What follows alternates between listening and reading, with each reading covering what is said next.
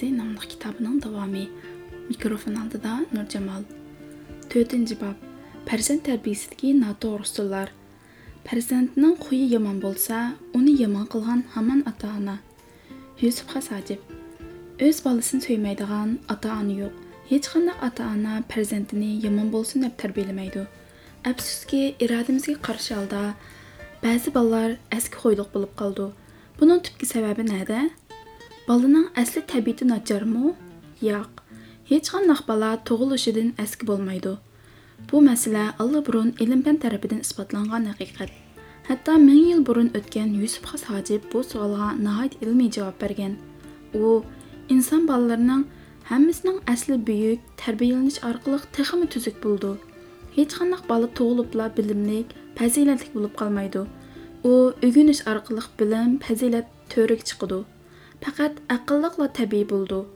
qolgan hammani yurib o'rganadi degan u yana farzandning yomon xuy paylik bo'lishining asosiy sababini ota onasining savalligi ustiga yuklagan bu shuni tushuntirdiki tarbiyalash muddaosi bilan tarbiyalash usuli bolalarning individual alohidaligi bilan uni tushunish o'tirisida ziddiyat bo'lib turdi bu ziddiyatni to'g'ri hal qilolmaganda yomon so'raydi har bir bolaning o'ziga xos individual alohidaligini onalar intayin yaxshi biladi va bilish kerak asli talabdan qaraganda o'xshamagan individual alohidalik ega bo'lgan bolalarga quyiladigan tarbiyalash usuli o'xshamasligi kerak bir onadan tug'ilgan besh bolaning mijozi o'xshamaydi biri kichikidan tarsaroq bo'lsa biri ig'ir besiq bo'ldi yana biri qiydiqoq bo'lsa yana biri royish bo'ldi biri tavoz bo'lsa yana biri ochiq yomon bo'ldi bu xil mijozning tarbiya bilan ko'p munosabati yo'q. U bolalarning individual alohidaligidan kelib chiqqan farq bu dunyoda tashqi ko'rinishi qo'yib qo'ygandek o'xshab ketadigan birormi odamni topqil bo'lmagan o'xshash psixik alohidaligi va individualligi butunlay o'xshab ketadigan birmu bola yo'q. Har bir odamning o'zi nayt murakkab bir dunyo. Biroq farzand tarbiyasi haqida yozilgan kitob materiallarda بالىلار تەربىيىسى مۇتەخەسسىسلىرى بالىلار پسىخولوگلىرى ۋە پېداگوگلار بالىلارنىڭ ئورتاق ئالاھىدىلىكىگە ئاساسەن مۇنداق بىر قانچە تەربىيىلەش ئۇسۇلىنى نامۇۋاپىق ئىكەنلىكىنى يەكۈنلەپ چىققان بىرىنچى بالىلارنى ئۇرۇپ تىللاپ ھاقارەتلەپ باشقۇرۇش ئەڭ ئەسكى ۋە бірі. Бір қысым ата-анылар пәрзен тәрбиесі ئانىلار پەرزەنت تەربىيىسىدە ئۇرۇش تىللاش ۋە ھاقارەتلەشنى مۇھىم تەربىيە ۋاسىتىسى قىلىۋالغان بىز ئۇلارنىڭ بالىلىرىنى رەھىمسىزلەرچە ئۇرۇۋاتقانلىقىنى ig'izga olg'usiz tillar bilan tillayotganligini uchratib qolamiz hatto tili chiqmagan buvoq bolalarni yig'lab xab qilding deb nima uchun yig'laydiganligini uqmay qarg'ulash uradigan onalarni uchratdik bilish kerakki urush tillash yo'li bilan hargizmi yaxshi natijaga erishgil bo'lmaydi aksincha bolalarning psixik va fiziologiyalik taraqqiyotiga intayin og'ir ziyonkashlik qilgan bo'lamiz haqoratlangan bola ko'pincha o'ziga ishonmaydigan o'zini kamsitadigan ھېچ ئىشقا جۈرئەت قىلالمايدىغان پىسخىكىنى يېتىلدۈرۈۋالىدۇ ئالىدۇ ئاز Аз بالا бала, بىلەن تەربىيىلەنگەن بالا ئۆز قەدىر قىممىتىنى ياخشى چۈشىنىدۇ. ئۆزىنى قەدىرلەيدىغان ئادەم بولۇپ يېتىشىپ چىقىدۇ. ئۇرۇپ تىللاش بىلەن چوڭ قىلغان بالىلار قورقۇنچاق كەم ئەقىل تەربىيە تەسىر قىلمايدىغان قېلىن ئۆز بېشىمچى جاھىل خاراكتېرىنى يېتىلدۈرۈۋالىدۇ. يالغان سۆزلەشكە مەجبۇرلىنىدۇ چۈشكۈنلىشىدۇ yana bir tarafdan ota ona bilan farzand o'tirisidagi mehr muhabbatga ta'sir etadi bolalar o'zini yolg'iz yakka yagona his qildi ota onasidan nafratlandiyu qo'rqibla itoatman bo'lib oldi izob shunga qo'pol kuch ishlatganga qaraganda yaxshi gap bilan har doim ko'proq natijaga ega bo'lasan degan pifagor farzandlarini urib tillaydigan ota onalarga echinib afsuslangan holda qabringiz ustida yig'lashlar uchun farzandlaringizning ko'z yoshini to'kmang degan ekan biroq farzandlarni ha degandila siliq so'z bilan aldash bilan ish bitmaydi navbati kelganda bir qism jazolash vositalarini qattiq qo'l bo'lish usullarini qo'llanishga to'g'ri keldi biz bu yerda tilga olgan qattiq qo'l bo'lish hargizmi urib tillashni ko'rsatmaydi balki talabning qattiqroq bo'lishini atrofliq bo'lishini qattiq qo'lliq qildigan chog'da yumshoq boshliq qilmaslikni ancha muncha hayyu qilib cho'chitib qo'yishni ko'rsatadi chunki kishilar orasida bolalar to'mirchi keldi degan gap bor. Shunga farzandlar ota onasini suyibla qolmay balki ota onadan ayminadigan bo'lishi kerak. Ba'zi zarurat topilgan chog'larda ancha muncha pashqa qilib qo'yishningmi ta'siri yaxshi bo'ldi esimda qilishicha kichik vaqtimda onamni xafa qilgan bo'lsam kerak buning ustiga dadam kelib qoldi. Onam ahvolni aytgan edi dadam bir chiviqni qayirib olib meni savashga tamshaldi onam bo'lsa qach bo'lmasa tayoq yeysan dedi man qochdim dadam keynimdan xeli yerga qo'g'ladi ko'rganlar tohir ahmad bolasini tutib olsa bir yanch chiqotadigan bo'ldi deb qolatdi dadam manga yetishib oldi biroq ikki qo'ltiqimdan tutib livini tishlab dast ko'tarib dekkida dastitib qo'yib kayniga qaramay mangdi manmu orqasidan agishib mangdim qattiq urgandimmi siliq sipoy bo'lgandimi yaxshiroq unum shuni saminglarga silib qo'yish kerakki farzandlarning yumron qalbida qoldirilgan kichkina dog' mangu o'chmaydi ikkinchi haddidan ortiq erka qilib qo'yish farzandlarni kerakdan chiqardi yusuf hasajib mundoq eskartgan qiz o'g'lingni erk o'gitib qo'ydingmi bo'ldi uningdan ko'nglingni uz gegil mundoq deydi.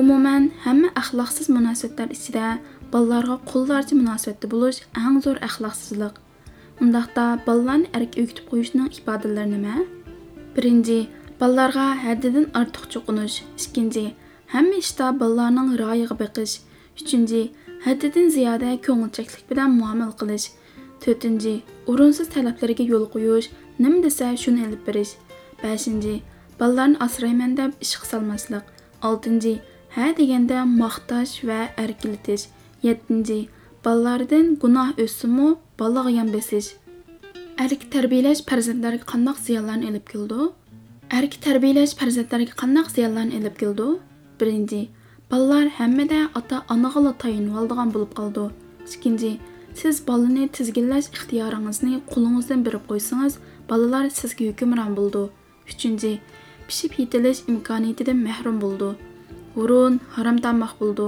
azar qiyinchilik uchursa hammadan voz kechidi. Mustaqil yashash bo'lmaydi. Qilgan kichikkin ishiga minnat qildi to'rtinchi tarsa nirva mijoz bo'lib qoldi beshinchi tamaxo'r shaxsiyatchi o'z beshimchi bo'lib qoldi uchinchi bolani ikki orliq qilib qo'yish yeb uzilgan laglak qilib qo'ydi yusufga sajib shundoq degan sen bolaliq bo'ldigan bo'lsang uning tarbiyachisi o'zingni bo'l bu tavsiya shuni uqtirdiki biri ota onalar o'zining farzandini yaxshi tushundi bolalarning ularni to'liq tushunishi natoyin yana biri boshqalar bolalarga o'zingizdek kuyinmaydi ko'ngil bilmaydi.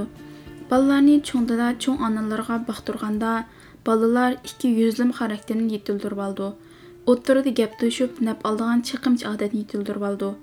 Uydan ozroq ko'ngli ranjisa talabi qondirilmasa cho'ng uyga berib oldi.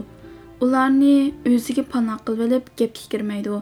Shunga bolalarni bir qo'lliq tarbiyalash lozim yana tarbiyada ota onalar birdek bo'lishi kerak tarbiyada birdaklikni saqlash lozim bundoq bo'lmaydi ekan bir tarafdan tarbiya qilyotsa yana bir odam aralashib olsa bir taraf bir nima desa yana bir taraf aksicha bir narsa desa bir taraf qattiq talab qo'yib yana bir taraf bolaning ixtiyoriga qo'yibotsa bolalar ikki orada gangirab qoldi kimning to'g'ri kimning xato ekanligini ayriolmaydi shuning bilan ular hiylagarlikni qo'lliqni gundi kim o'zining gapini qilsa shuning biqiniga kirdi qattiq talab qo'ygan tarafdan o'zini qochirdi yuqorqilardan boshqa bolalarni oshkor so'rinlarda ayblash boshqalarga selishtirib bolani kam sundirish bolaning tanlashiga fikriga hurmat qilmaslik bolalarni kichiklab e'tiborga olmaslik ularning orzusini his qilmaslik ko'ngil tushunmaslik o'zaro fikr almashtirmaslik ularga zo'rliq va besim ishlatish qatorliqlarning hammasi xato tarbiyalash usuldir unda bo'lsa muvofiq va foydali usul qaysi birinchi normal o'tirhol yo'l qo'yish eng yaxshi usul ikkinchi oddiy kichik savalliklargami sal qarmaslik uchinchi aldirang'ulik qilmaslik savrichan bo'lish to'rtinchi o'lni dastlabki tarbiya mezgilidan chingitib mingish beshinchi bolaga o'zingizning kuyindiganligingizni haqiqiy his qildirish oltinchi hadis chechilishdan va g'azablanishdan saqlanish Төртінші, балларының ішларға көп арлыш өліш, балларыны хақиқаттен яшаш иқтидардың мәхрум қылды. Балларының яшаш ұсылы вә яшаш адеті болды. Оларның хәм өзі қаз қызықшы болды. Өзі яқшы деп қарған юлы болды. Егер оларның қылватқан ішлері оларға зиян салмайдыған болса, олар шу ішіне яқшы көрудіған болса, оларның мәйліге қойып біреш керек. Ha deganda ularni kontrol qilib o'z xohishingiz bo'yicha ish qilsalman desangiz u bolaning ishi emas balki o'zingizning ishi bo'lib qoldi. Bolangizning shu ishdagi mag'lubiyati amaliyotda sizning mag'lubiyatingiz bo'ldi. Farzand bo'lsa sizning xohishingizning qurban bo'lib qoldi. Ba'zi ota onalar farzandlarini kichik chig'idila mundoq ish qildirman deb to'n pichib qo'ydi. Undan keyin u bolaning tabiatiga mos kelamdi kelmamdi buni hisob qilmaydi.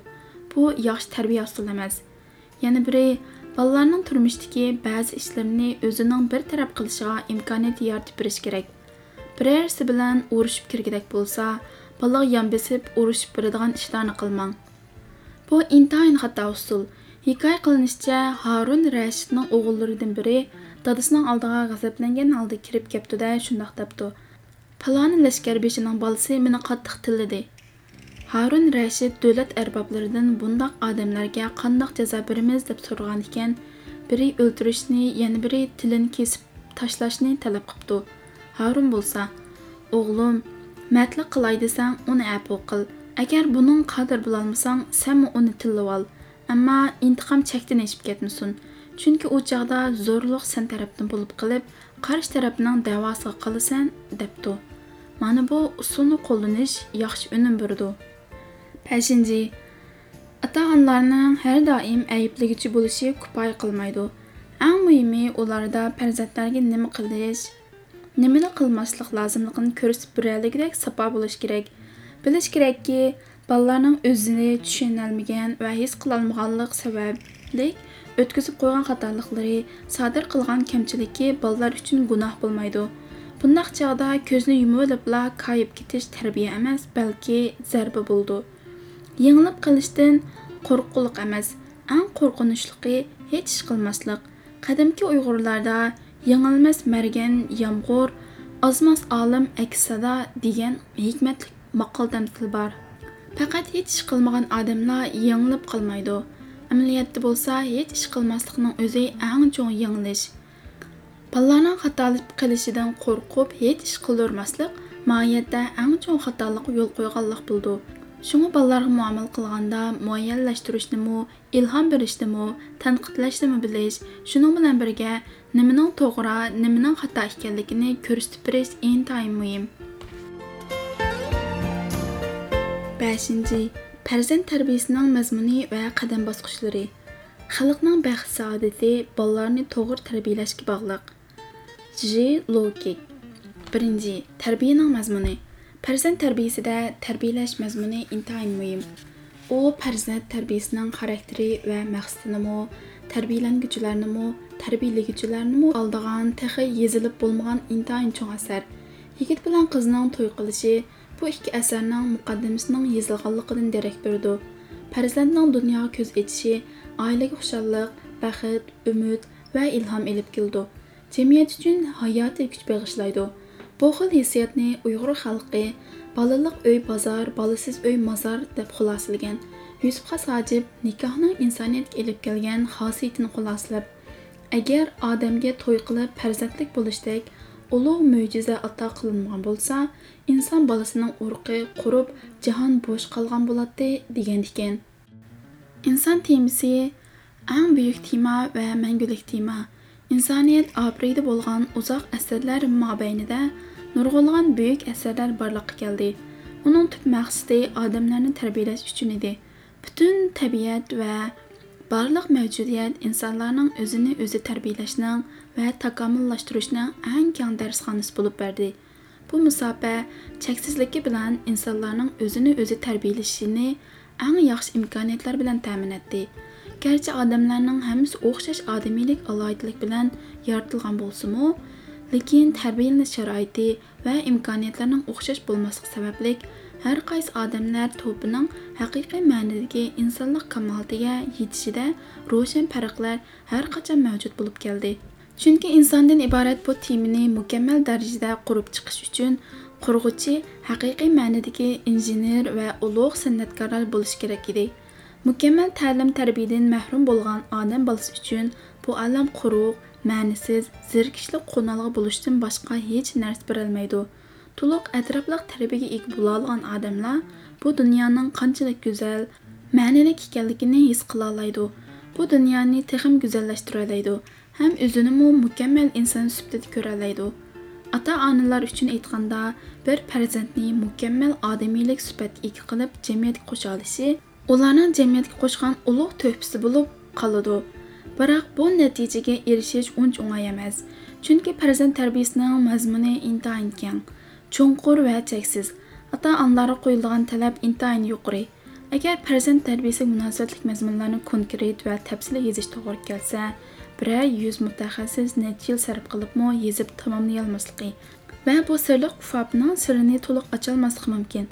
Lekin insoniyat necha ming yillik madaniyat tarix musobasida uzluksiz izlanish va mo'l tajriba saboqlarni yakunlash orqali nihoyat qimmatli ta'lim tarbiya natijalarini borliqqa keltirdi hozirgi zamon ilm fanining uchqandek taraqqiy qilishiga ayishib farzand tarbiyasi sahifasiga yana qimmatli mazmunlar qo'shildi uyg'ur xalqining ijtimoiy hayot tarixi va madaniyat tarixi musobasini ko'zatadigan bo'lsak ular farzand tarbiyasi to'g'risida milliy xoslik ifodalangan nihoyat qimmatli ma'lumotlar ulgular va tajriba saboqlarni qoldirib ketgan.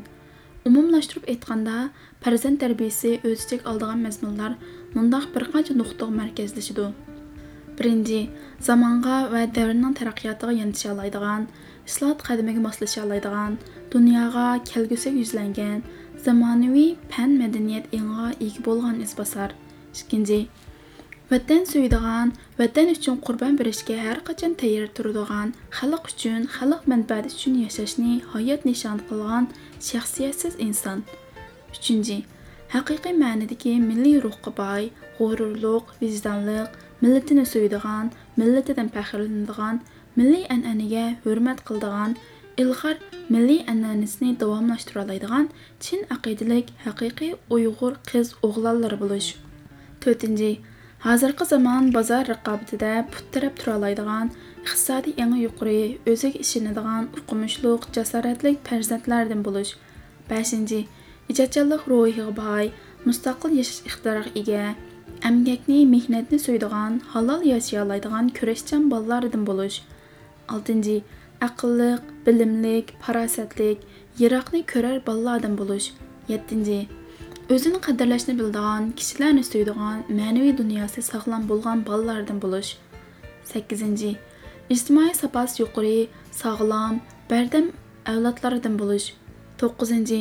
Axloq fazilat saposi yuqori, kang qo'rsoq, mard, dodil, boshqalarga yordam berishni xushalliq deb biladigan odam bo'lish o'ninchi haqiqiy go'zallikni suydigan haq nahaq qarashi aniq mustaqil dunyo qarashga ega adolatni yoqlaydigan haqqoniyatsizlikka botdurluq bilan qarshi turishga jur'at qila oladigan odam bo'lish. 11 tili bilan dili birdek degini bilan qilg'ini birdek oliyjanob yaxshi tabiatlik odam bo'lish. 12 oilasini so'ydigan ota onasini qadrlaydigan do'stlarga sodiq dushmanga rahimsiz bo'lgan odam bo'lish. 14 hayotini qadrlashni bildigan yashashni bildigan o'ziga qattiq talab qo'ya oladigan bo'lish 14 Kəyib sapağa, isimlik, çəkimlikə birilməydiğan, qanun qulu bolmağan adam buluş. Ayət tərbiyəsi hər gizmə mundaq yuqur sapalıq adamni qurub çıxışının hüddəsindən çıxıb bulalmaydı. Çünki yuqurqı məzmun təlbimu tex mükəmməl adam buluş təlbini tuluq qandıralmaydı. Çünki insan təbiətində yana məndən ibarət müqəddəs hukm buldu. Çünki insan insoniyat uchun yashash bilan birga o'zi uchun yashashdek bir xil moyilliq va ziddiyat ichida yashaydi bu ziddiyatni to'g'ri bartaraf qilish uncha o'ng'ay emas. Chunki man uqumi bo'lmagan odammu haqiqiy mukammal odam emas. İkkinchi tarbiyaning qadam bosqichlari farzand tarbiyasi ko'p qatlamli doiralik va uzun mazgillik ish hozirgi farzand tarbiyasi haqidagi nazariyalarda farzand tarbiyasi 18 yoshgacha bo'ldi deb bir chek qo'yib qo'yilgan bizning qarashimizcha ota onalar uchun farzand tarbiyasi ota onalarning ko'zi yumilg'ich bo'ldi farzandlar uchun aytganda ular mangu tarbiyalanguchi bo'lib qoldi chunki farzand tarbiyasi yolg'izla oilaning majburiyati va vazifasi emas. Farzand tarbiyasi oila maktab jamiyatdan iborat uch gavdaning birlashishi orqali bir butunlik ega bo'ldi. Jamiyat oilaga farzandni hargiz o'zining shaxsiy mulki qatorida ko'rmaslik talabini qo'yish bilan farzandlarni hargizmi biror ota onaga taalluq deb qaramaydi Farzandlarga nisbatan ota-ona birinchi tarbiyachi bo'lsa, maktab ikkinchi tarbiyachi, xalq mangulik tarbiyachi bo'lib qoldi. Bu xil munosabatda oila o'zining muqaddas majburiyatini ado qilish bilan birga maktablarga moslashishi va jamiyatning talabini qondirishga tirishishi, jamiyatning nazoratini, taklifini qabul qilish kerak. Hargizmi o'z beshimchilik qilishga, o'zining xohish bo'yicha ish tutishga bo'lmaydi. Chunki ota-onalarmi, farzandlarmi o'z qimmatini jamiyatdan topalaydi.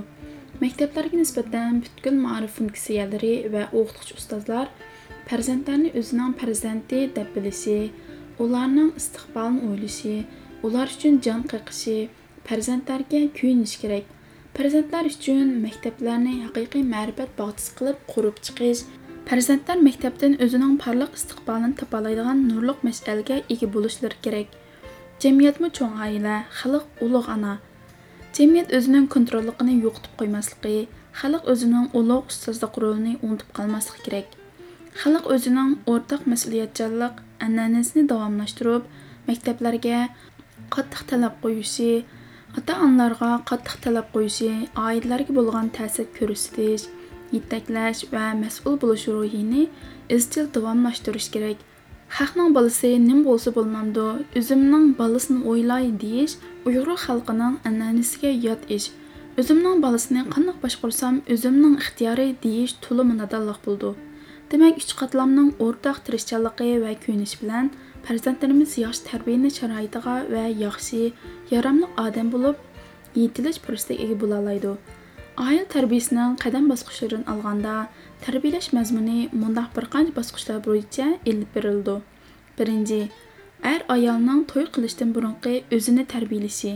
Ikkinchi, ayollarning eg'ir oyoq mazgildagi kutinishi. Uchinchi, dastlabki tarbiya bosqichi. Dastlabki tarbiya bosqichi butkul ta'lim-tarbiya bosqichlari ichida intayin muhim va hal qilg'uch rol o'ynaydi. Bolalarning o'sib yetilish davomida ularning jismoniy va psixik taraqqiyoti qonuniyatli bo'ldi. Dastlabki tarbiya deganda asosan bolalar tug'ilib maktabga kirgich bo'lgan orliqdagi ta'lim-tarbiya ko'z tutildi. Bu mezgildagi tarbiya nihoyat nozik va inchiki bo'ldi. Bu mezgil bolalarning aqliy iqtidorini yuqori ko'tarishda intayin muhim. Bu bosqich yana o'z ichidan 3 ga bo'lindi. 0 yoshdan 1 yoshgacha bo'lgan bosqich, 1 yoshdan 3 yoshgacha bo'lgan bir bosqich, 3 yoshdan maktab kirgacha bo'lgan bir bosqich. 4. Boshlang'ich maktab bosqichi, 5. O'rta maktab bosqichi, 6. Oliy maktab, o'rta texnikum o'qiyotgan mazgildagi oila tarbiyasi. 7. Turmushliq bo'lishdan oldi keyinidagi tarbiyasi. 8. Uy ichoqliq bo'lgandan keyingi tarbiya. 9. Oxirgi to'liqlim tarbiya.